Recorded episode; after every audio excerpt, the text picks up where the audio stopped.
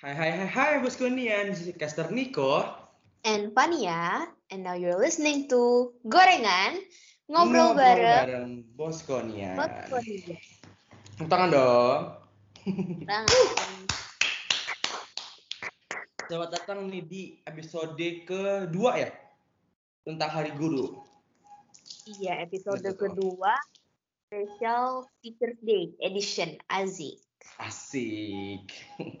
Buat yang belum dengar episode 1 sama Pak Albert boleh dong denger dulu dong. Oh ya, jangan lupa didengerin loh ya. Iya, Soalnya nggak nggak hal ya sama yang ini. Benar, oke. Kita hari ini mau bahas apa nih, Van? Atau siapa nih bintang tamu kita, Van? Oh iya, siapa dulu dong bintang tamu baru kita bahas apa? Benar. Nah, bintang tamu kita ini tetap sama guru juga. Dia ini kita kasih kisi-kisi aja kali ya. Boleh. Siapa nih? kisi-kisi siapa ya. Pokoknya beliau ini adalah guru perempuan. Mengajar Mhm. di SMA Don Bosco 2 yang pastinya. Nggak mungkin di sekolah lain. Terus dia ini guru geografi. Guru geografi dan juga sosiologi sekarang. Oke. Harusnya nih buat bosku boskonian nggak mungkin nggak tahu ya. Iya, harusnya udah tahu gitu. Apalagi yang anak-anak IPS gitu kan. Betul. Nggak mungkin lah nggak Belajar tahu. yang Biasanya IPA aja tahu. Oke, tapi sebelum kita menyambut bintang tamu kita nih, Van, gimana kalau kita kasih disclaimer dulu nih, Van? Oke, disclaimer apa tuh? Disclaimernya yaitu bahwa kita melaksanakan rekaman podcast ini, gorengan ini secara tetap, secara online nih guys. Jadi kita tetap mematuhi protokol kesehatan dan anjuran dari pemerintah. Gitu. Yes, betul banget. Nah, Betul. kalau gitu langsung kita sambut aja bintang tamu kita. Ada Bu Cahya. Halo Ibu Cahya, selamat Halo Ibu sore. Cahya. Halo Niko, halo Fania, halo semua Boskonian. Halo Ibu. Halo. Jadi bu kabarnya Bu? Sehat Bu? Amin, puji Tuhan. Sehat dan baik selalu. Ih, Kalau Puji Cahya enak ya. Tuhan. Suaranya tuh ceria gitu. Ya, kita harus ceria dong. Soalnya kalian MC berdua udah ceria, jadi kena ke saya, tertular gitu. Jadi harus ceria Oh, gitu. Kita, kita berarti kita bring positive vibes, Nick. Yes, Betul. sekali. Oke nih Bu, mungkin eh, yang pendengar gorengan ini ada di luar Don Bosco nih Bu, atau bukan Bosco Hmm. nih Bu. Boleh gak sih Bu, kayak kasih perkenalan sedikit nih Bu tentang Ibu Cahya Asik. Oke, thank you Niko sama Fania. Halo semua teman-teman Boskonian dan juga yang di luar Boskonian yang mungkin mendengarkan. Ya, perkenalkan, saya dengan Ibu Cahya. Saya mengajar geografi di SMA Don Bosco 2. Ya, tuh saya sudah eh, 10 tahun mengajar. Eh, kebetulan di SMA Don Bosco 2 sudah jalan 6 tahun. Wow. Terima kasih. 6 tahun. Lama juga ya berarti enam tahun. Iya. Wow. Dari SD berarti. Wow. Ah, Oke nih Bu, eh, sebelum kita masuk ke dalam banget nih Bu, boleh gak sih Bu kayak ceritain kayak pengalaman Ibu sebagai guru nih Bu di SMA Bosco 2 nih Bu? Eh, Oke, makasih. Yang pertama sekali Niko sama Fania, eh, saya itu memang dari kecil suka menjadi guru loh. Oke. Ya. Waduh. Saya eh, Betul. dari kecil itu dari eh, sudah bisa membaca dan menulis waktu SD kelas 1 lah ya. Itu saya ambil papan tulis, papan tulis buatan sendiri gitu, terus saya tulis-tulis atau tembok juga sering saya tulis-tulis. Terus saya biasanya ngomong sendiri gitu, ngomong sendiri layaknya seperti guru gitu. Karena Oh. saya memang dari kecil cita-cita saya jadi guru dan puji Tuhan, Tuhan memberikan jalan saya menjadi guru sampai saat ini gitu. Jadi memang eh, yang pertama sekali dan bagi kalian juga Niko dan Fania dan juga teman-teman yang mendengarkan itu eh, pertama kalian harus temukan dulu bakat kalian hobi kalian apa. Nah setelah itu gali terus hobi dan bakatnya sampai nanti kamu di masa depan kamu bisa mencapai itu semuanya. Jadi pasti kamu mendapatkan hal yang baik di situ. Itu Niko dan. Fania Mantap Keren. banget. Jadi kita emang harus mengenali diri sendiri ya, Nik. Betul. Ini kita baru awal-awal aja eh, pelajaran udah banyak nih. Gimana PKL? Mungkin banyak lagi pelajarannya. itu boleh diingat tuh ya teman-teman tuh, kenali diri sendiri ya benar ya Bu ya? Uh, benar, kenali diri sendiri, lalu bakatnya apa. Pasti semua kalian di sini punya bakat, iya kan? Fania, Niko pasti punya bakat, teman-teman Buskonian ataupun yang di luar yang sedang mendengarkan, pasti masing-masing kita diberikan Tuhan talenta dari kecil. Nah, talenta itu sekarang yang harus kita gali, kita asah gitu. Karena nggak ada satu pribadi pun yang tidak memiliki talenta, yang tidak memiliki bakat atau hobi. Kalau digali itu, saya yakin, saya jamin 100% pasti kalian akan berhasil. Is, gitu. Utang, utang, Betul banget. Orang Terima kasih loh. Benar. Saya percaya itu lah. Pasti, yes. pasti punya bakat. Mungkin meskipun gak kelihatan sekarang, pasti kalau kita tetap rajin nyari-nyari bakat kita, berani mencoba hal-hal baru lah ya mencoba hal-hal yang di luar dari comfort zone kita itu pasti ketemu lah nanti. Betul, sekali, Van. Iya. Iya. Gimana Ibu pengalaman Ibu selama apa mengajar di SMA Don Bosco ini? Gimana sih rasanya? Enakkah atau gimana? Atau seru-seru aja atau ada apa gitu? Mungkin Ibu bisa cerita gitu kan?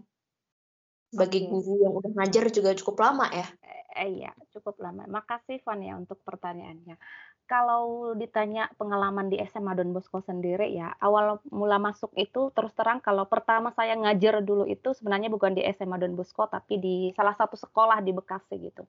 Itu awalnya hmm. saya benar-benar uh, grogi gitu ya, apalagi anak SMA gitu ya yang badannya lebih besar dari saya, yang mereka dunianya sudah mungkin saja mereka lebih jago di bidang hal-hal tertentu dibanding saya gitu. Nah, tetapi yang perlu saya ingat adalah saya harus terus belajar gitu. Guru itu harus terus belajar. Karena saya eh, anak-anak uh, sekarang yang saya ajarin uh, khususnya di SMA Don Bosco 2 itu saya lihat termasuk Fania sama Niko juga pasti jago di bidang IT. Pasti update terus tentang berita-berita yang ada sekarang gitu. Nah, di yeah. situ guru itu harus seperti apa gitu kan nggak mungkin nanti saya memberitahu sesuatu yang tidak update ke anak-anak didik saya gitu. Jadi saya harus mengupgrade diri saya sendiri juga dalam hal metode pembelajarannya bagaimana, dalam hal model pembelajarannya bagaimana gitu. Jadi nggak seperti zaman dulu karena anak-anak sekarang jauh berbeda dengan 20 atau 10 tahun yang lalu. Begitu. Nah, kalau pengalaman saya di Don Bosco sih saya uh, senang-senang aja mengajar gitu. Muridnya juga asik-asik seperti yang berdua yang yang sedang nanya-nanya saya sekarang gitu. Waduh.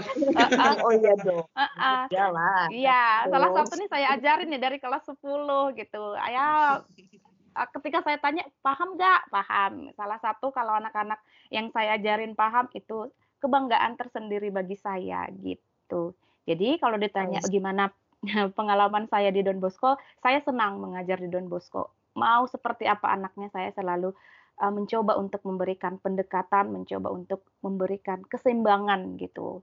Jadi tidak boleh oh anak ini perhatikan ini tidak gitu.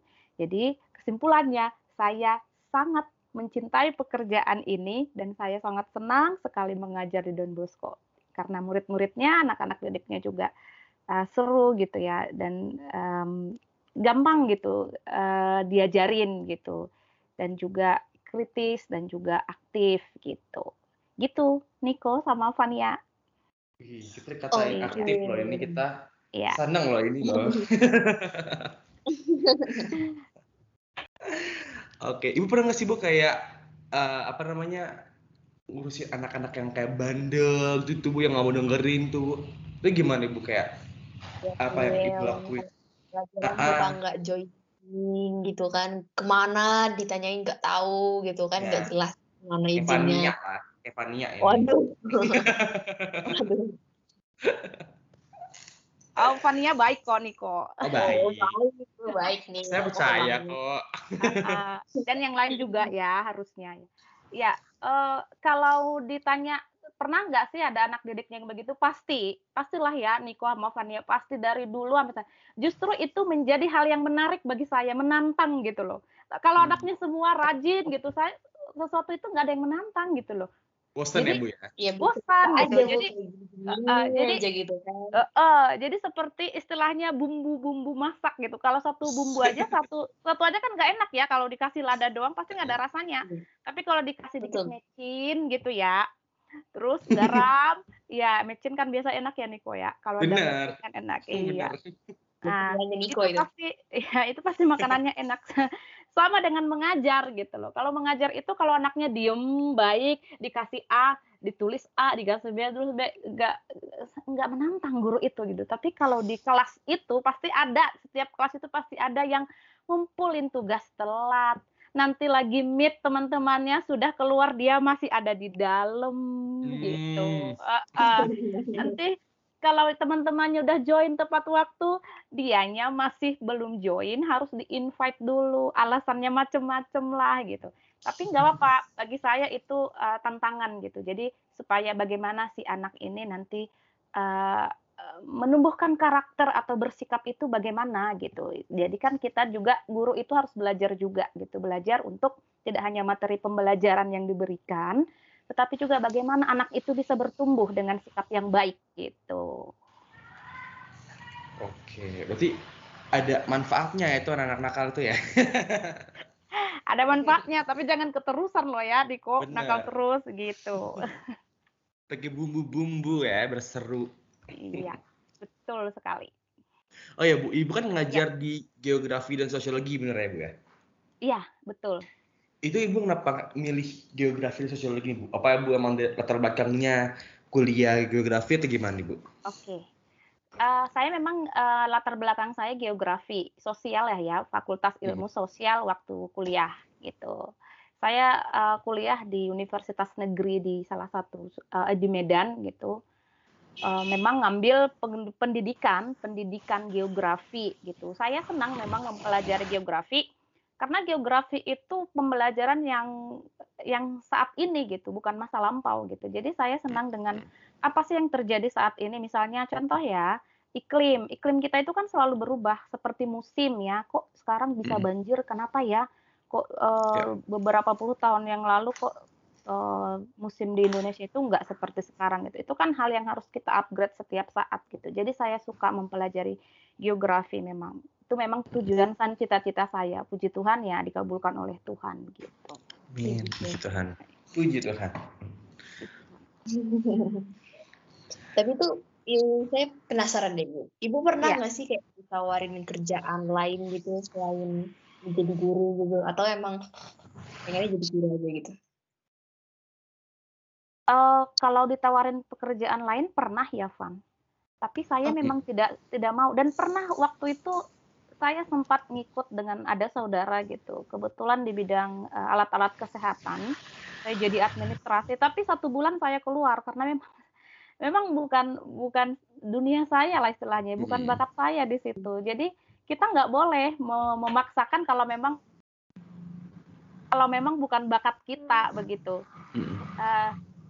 eh, sama dengan eh, ini sama dengan kalau eh, sesuatu itu kita nggak cintai ya nggak usah nggak usah ada kan begitu. Jadi apa pun yang kita eh, dapatkan hari ini ya kita harus mencintai itu gitu. Sama dengan pekerjaan saya gitu.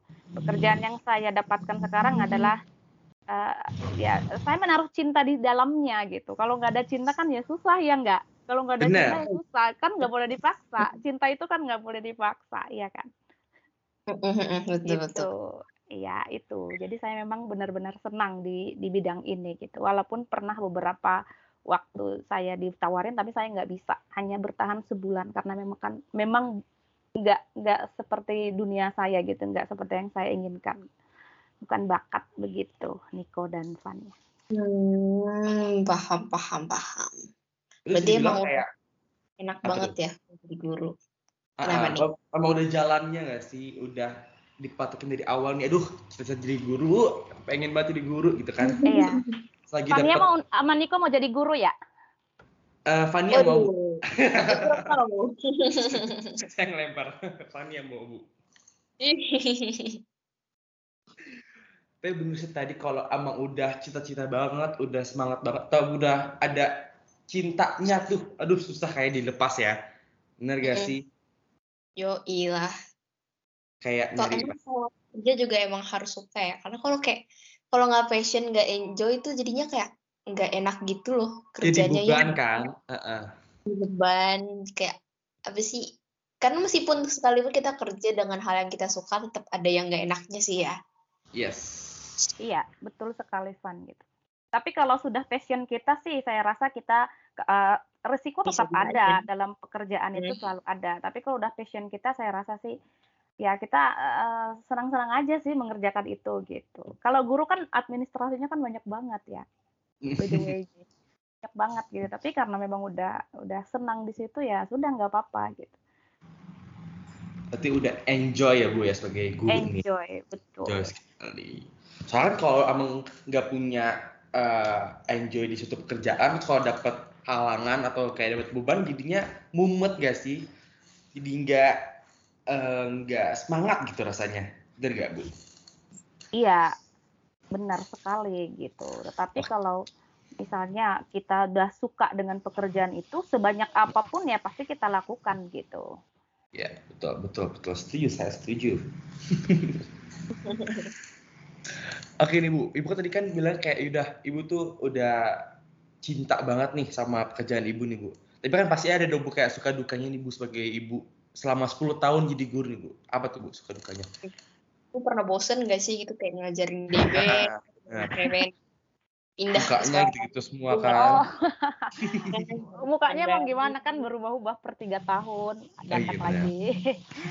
Iya, oke. eh, suka duka pasti ada ya, suka dukanya dalam hal apa pun pasti ada. Tapi puji Tuhan ya masih kebanyakan sukanya lah gitu. Masih banyak. Eh, eh, masih. Nah, kalau misalnya ditanya eh, sukanya apa ya, bertemu dengan anak didik, anak-anak didik kan itu dari berbagai latar belakang seperti kalian inilah gitu. Emang dari dulu emang saya suka gitu ngomong gitu. Saya paling suka itu ngomong, mengajar gitu, bersosialisasi gitu. Nah, memang saya sukanya jadi guru itu ya kesenangannya di situ, bertemu dengan berbagai eh, siswa gitu ya, anak didik dari berbagai kalangan yang mereka itu tidak sama gitu. Nah, itu yang pertama dan yang ke- yang kedua tadi ya memang saya suka mengajar, suka berbicara gitu. Kan dulunya saya berbicara di depan kan nggak ada orang, ntar dipikir lagi kok ini berbicara di depan nggak ada orang gitu. Kalau ini kan ada anak didik gitu. Makanya saya memang eh, eh, cita-cita saya dari kecil jadi guru. Kalau dukanya ditanya kalau dukanya apa? Kalau dukanya aduh apa ya? Kalau duka soalnya lebih enak membicarakan yang suka sih Niko sama Fania Iya, Bu. daripada yang duka. Kalau yang duka atau yang yang kelemahannya lah, kurangnya lah gitu ya. Ya. Terkadang kalau saya saya sih saya merasa bersalah aja gitu ya. Kalau misalnya eh, murid itu atau anak didik itu kok dalam satu kelas itu nilainya itu jelek gitu loh. Misalnya Hmm, entah hmm, di atas 60% gitu. Saya kok yang mana ya? Saya kadang mikir apa saya yang salah ya gitu. Saya harus metode mengajarnya seperti apa ya supaya anak-anak ini jangan seperti ini nilainya gitu.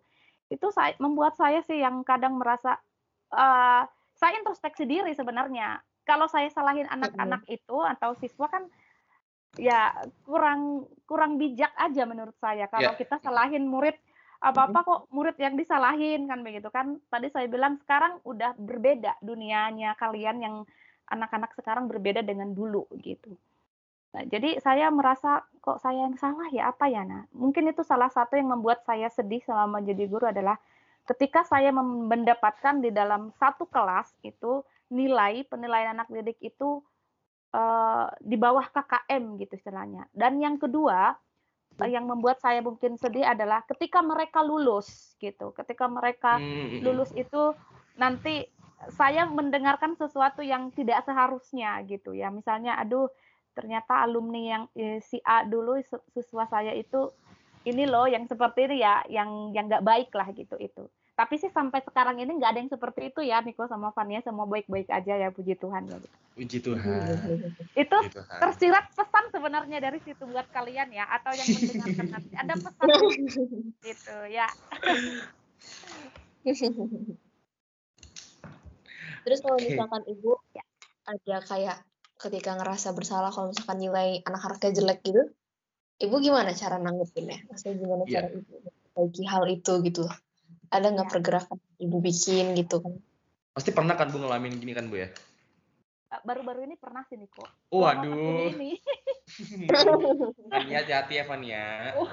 Selama ada. pandemi ini sebenarnya ada gitu. Selama mulai PTM deh Niko sama Fania. Mulai PTM saya tanya lah selama ini ke mana aja kok nggak tahu Nggak gitu. tahu, Ada tapi oh, saya kurang tahu nggak bukan bukan Fania bukan Fania. sama PTM bu Di- Iya. Nah, terus Wen. eh, yang mau saya lakukan ya itu eh, saya mencoba metode pembelajaran yang lain gitu. Kalau tadinya saya hanya modelnya hanya ceramah, itu anak-anak kan eh, nggak nggak bisa mungkin beberapa dari anak didik kan atau siswa itu nggak bisa mendengarkan lebih dari eh, 40 menit gitu. Jadi saya bikin variasi model pembelajaran. Misalnya 15 menit atau 20 menit ceramah, setelah itu nanti kuis gitu. Supaya anak-anak juga apalagi kan ini sekarang kita lagi ada ini ya metode hibrid ya, ada yang dari rumah, ada yang dari sekolah gitu. Nah, gimana Hmm. supaya yang dari rumah dan dari sekolah ini mendapatkan porsi yang sama gitu. Jadi saya mencoba untuk membuat model pembelajaran yang nggak itu-itu aja loh gitu. Jadi eh, dirubah gitu. Kadang ada gamesnya, kadang uh, siswa saya suruh untuk uh, mencari tahu sesuatu, diskusi gitu ya. Model pembelajarannya ya dirubah-rubah aja gitu, divariasikan gitu. Itu salah satu alternatif atau solusi yang yang saya laksanakan atau saya lakukan selama ini gitu. Itu nggak bosen ya Bu ya? Betul Niko. Karena kalau satu aja ceramah coba kalau ceramah terus Niko pasti bosan nggak? Lumayan Bu. Saya rasa juga guru-guru di SMA Don Bosco semua seperti itu. Ya. Bukan hanya saya, semuanya karena kita kan dapat pelatihan juga. Semuanya saya yakin bahkan saya banyak belajar dari senior-senior bahkan teman-teman guru di Don Bosco. Saya lebih banyak belajar dari mereka gitu. Gitu. Hmm, paham, paham, paham, paham. Berarti ibu ada tokoh inspiratif gitu nggak yang inspirasi ibu untuk menjadi guru gitu kan, yang selalu motivasi ibu untuk jadi guru Iya. yang seperti apa gitu kan? Siapa tahu kan Iya. ada gitu. Iya, eh, ada suami saya. Uh. Juga guru ya? Enggak, eh, tapi lebih ke ini sama-sama pengajar juga, tapi dia bukan guru. Oh, Oke. sama orang tua saya lah, sama guru-guru yang lain juga. Ada banyak sih yang membuat saya termotivasi. Ya, ya inilah eh, eh, siswa-siswa juga lah. Kan eh, saya mengajar kan audiensnya kan mereka gitu. Kalau saya nggak Ah. memiliki siswa, saya mau memberikan pengajaran ke siapa gitu. Itu juga termasuk yang memotivasi, terutama yang yang jarang masuk atau apa itu memotivasi saya memotivasi saya banget loh kalau yang Ya. yang dalam tanda kutip nih ya yang yang jarang masuk atau telat gitu hmm. itu memotivasi saya loh Van Motivasi supaya lebih lebih apa tuh? Lebih berbuat lebih lagi gitu. betul Van supaya berbuat lebih Hmm. lagi ke mereka supaya enggak supaya kan pembelajaran itu kan memanusiakan manusia kan sebenarnya Betul. ah. Nah, jadi bagaimana kalian pada saat sudah duduk di bangku sekolah, setelah nanti lulus, kalian harus berubah, berubah ke arah yang lebih baik tentunya. Anak-anak didik itu harus berubah. Mm. Jangan pada saat masuk sekolah ya begitu, keluarnya juga lulusnya begitu. Enggak. Enggak ada pembelajaran di dalamnya kalau semuanya masih sama gitu. Tapi pembelajaran itu berhasil jika murid di, ah, murid atau siswa itu yang tadinya misalnya dalam tanda kutip malas atau belum menemukan potensinya di SMA di sekolah dia sudah menemukan bakat potensinya itu pembelajaran sebenarnya. Hmm. Hmm. Betul, betul. Ibu kan tadi kan katanya udah 10 tahun ya Bu ya dan 6 tahun di Don Bosco nih Bu. Pengalaman yang paling Bu, paling berkesan nih Bu seba- selama 10 tahun ini Bu sebagai guru itu apa Bu? Yang paling berkesan ya, Iya Bu.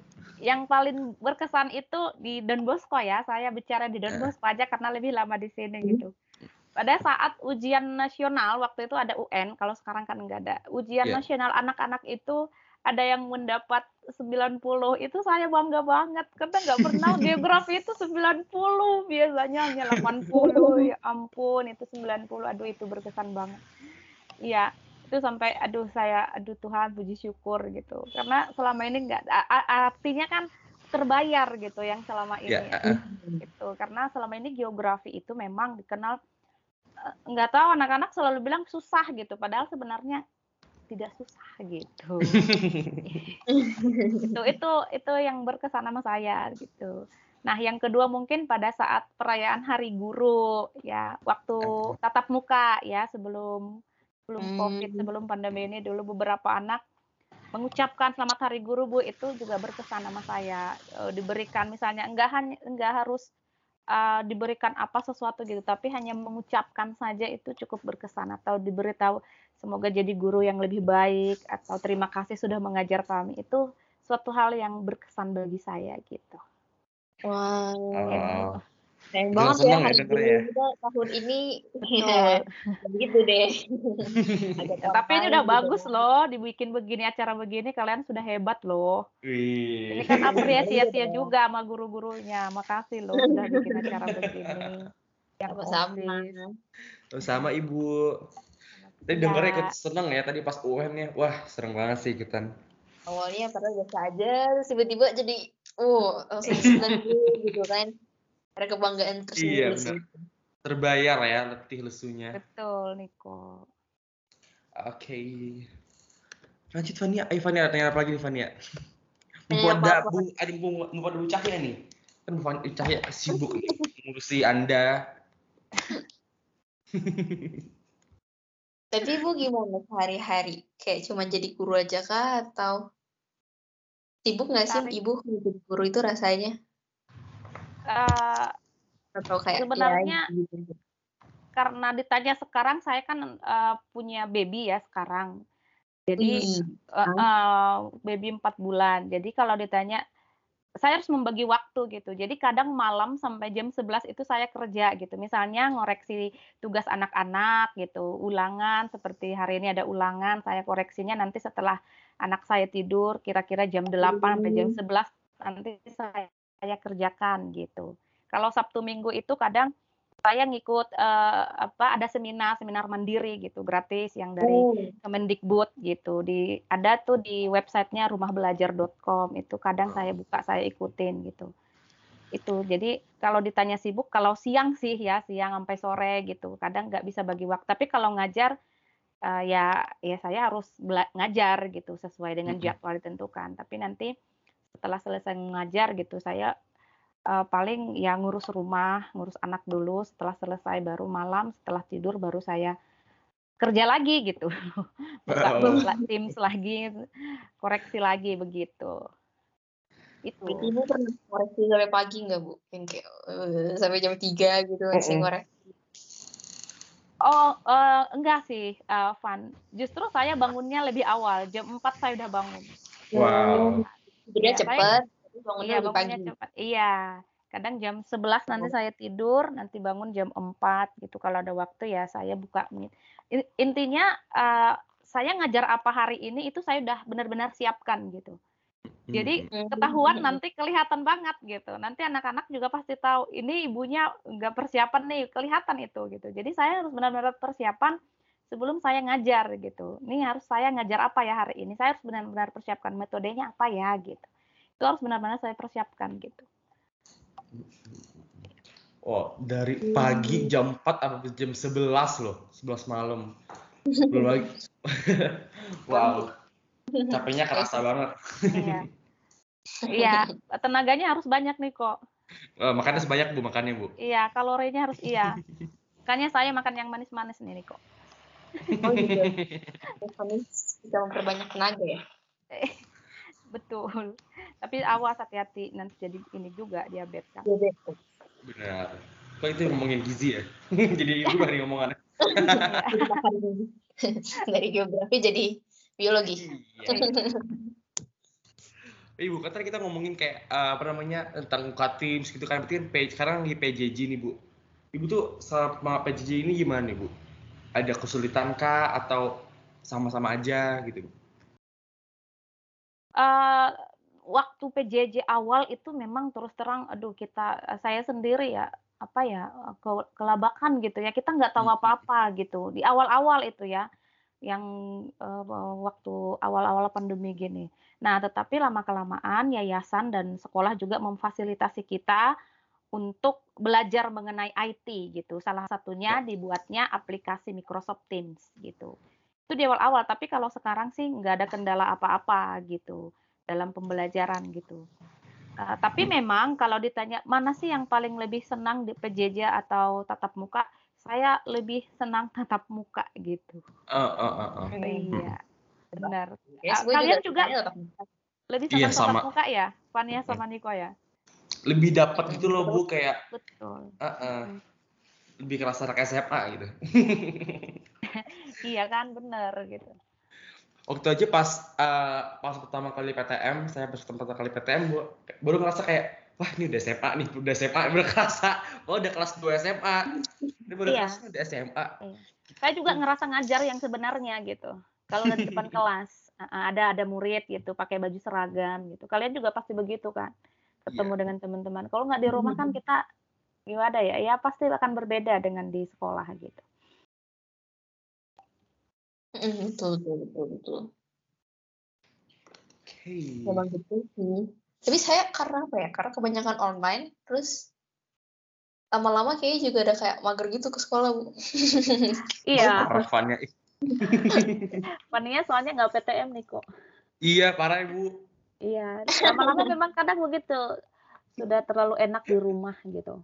Iya, harus bangun pagi lagi, kayak harus uh, ngebenerin muka gitu kan pagi-pagi. Kalau kalau di online kan nggak usah nggak usah pakai apa-apa ya pokoknya kayak ya udah kayak seragam aja pokoknya cuci muka seragam ya cuci muka gitu terus ya udah maksudnya dong nggak usah harus berangkat lagi naik motor atau naik mobil gitu kan siapin tas siapin buku ya beda sih feelnya memang.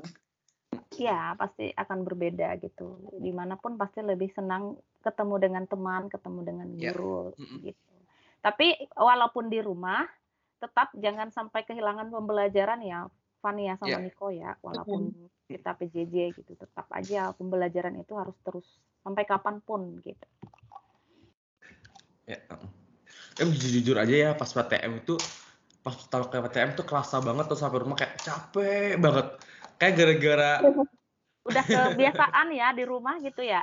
Mungkin ya jadi kan kalau di rumah habis selesai sekolah kan langsung tidur gitu kan ya kasur cuma satu uh. meter gitu kan langsung kayak Rasa capek apalagi uh, apa namanya belum lagi ngurusin baju kan sebelum uh, sehari sebelumnya ngurusin buku. Itu pulang-pulang tuh gue langsung tidur loh capek banget karena sudah terbiasa dengan itu kan eh, udah iya terbiasa dengan di rumah doang gitu. Ini kan kalau ke sekolah nih harus baju tas sepatu rambut nggak boleh iya. gondrong harus rapih penampilan kan begitu. Bangun pagi begitu. Kalau di rumah kan belum bisa aja nggak mandi atau apa gitu langsung buka yeah. meet off cam gitu kan nggak ada yang tahu lanjut tidur kan ah, ah, aduh janganlah ya kalau jangan ya ya jangan jangan dicontoh jangan dicontoh ah, anak Don Bosco nggak ada yang tidur loh sambil belajar sambil PJJ Amin. Amin. Amin. Jamin paling serius lah ya. Iya. Itu sudah dijamin. Gak ada yang tertidur. Semuanya mendengarkan. Amin. Kata ini ya. ada ada kata-kata terakhir untuk para pendengar dari Poskonian atau mungkin ada yang dengerin dari luar Poskonian juga mungkin ada yang mau Ibu sampaikan mengenai guru-guru men mengenai hari guru ya. atau mungkin Ibu juga mau menyampaikan sesuatu ke guru lain gitu kan ke guru-guru SMA dan Bosco atau mungkin ada guru dari sekolah lain juga yang dengerin podcast ini. Betul. Oke, terima kasih Niko, Vania, dan semua bos Konian di mana pun berada dan mungkin juga yang uh, yang sedangkan mendengarkan hari ini gitu.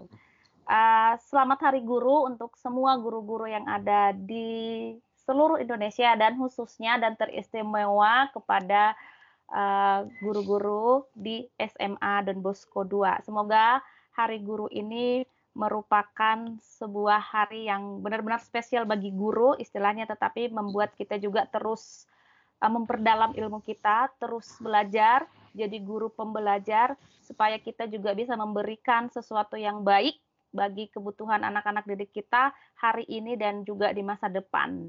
dan juga untuk saat ini uh, yang sudah di era globalisasi ini kita sebagai guru hendaknya juga dapat melihat gitu dan mengamati kebutuhan anak didik kita itu seperti apa.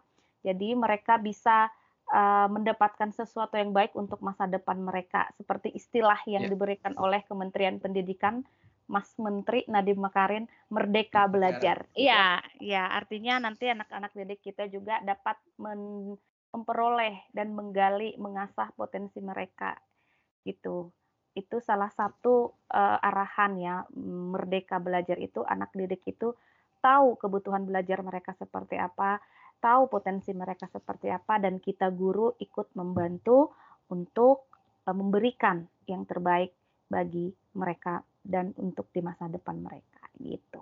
Jadi selamat Hari Guru semuanya para guru Indonesia. Oke. BTW ini kita udah panjang-panjang ini kita belum ucapin selamat guru nih buat Bu Cahya nih. Oh iya. Biasanya belakangan, belakangan. Yang belakangan itu biasanya yang istimewa. the best for the last lah. Iya. Oke. Okay. Mungkin sekarang bisa kali ya. sekarang aja. Iya. Selamat Hari Guru kepada Ibu Cahya. Terima kasih Terima sudah kasih. sabar kepada boskonian 6 tahun yeah. mengajar kami. Terima kasih. Berharap Ibu online tapi nggak ya. apa-apa. Sehat-sehat terus ya Ibu. Terima kasih Niko, Fania. Terima kasih sehat-sehat selalu. Tetap semangat ya belajar. Semangat. Iya tentu belajar. Kalau di Ibu Cahaya kita semangat lah. Amin. Dan semua guru-guru Don Bosco pasti semua semangat ngajarin kalian. Semangat buat seluruh guru-guru di Indonesia ya. Iya, semuanya. Nah, temukan bakatmu. Gali okay. terus. Oke. Gak kerasa udah panjang banget nih Van tuh ngobrolnya nih Van. Yo, udah panjang banget nih. Banyak banget ya, yang kita pelajarin ya. Hmm, segitu aja podcast kita hari ini dari Ibu Cahya. Jangan lupa untuk menemukan bakat kita buat teman-teman semua yang masih SMA ataupun SMP oh. ataupun SD mungkin siapa tahu ada yang dengerin gitu kan ya anak SD. Gitu. Ya semangat selalu dalam belajarnya buat guru-guru juga yang lain yang dengerin podcast ini. Selamat Hari Guru. Selamat Hari Guru. Selamat Hari Guru semuanya. Terima kasih anak-anak didik semua di SMA Don Bosco. Salam sehat selalu. Salam Don Bosco. Saya Bosco Nia. Terima kasih. Bye. Sampai jumpa semuanya. See you on next episode. Bisa spin gorengan. Bye. Bye.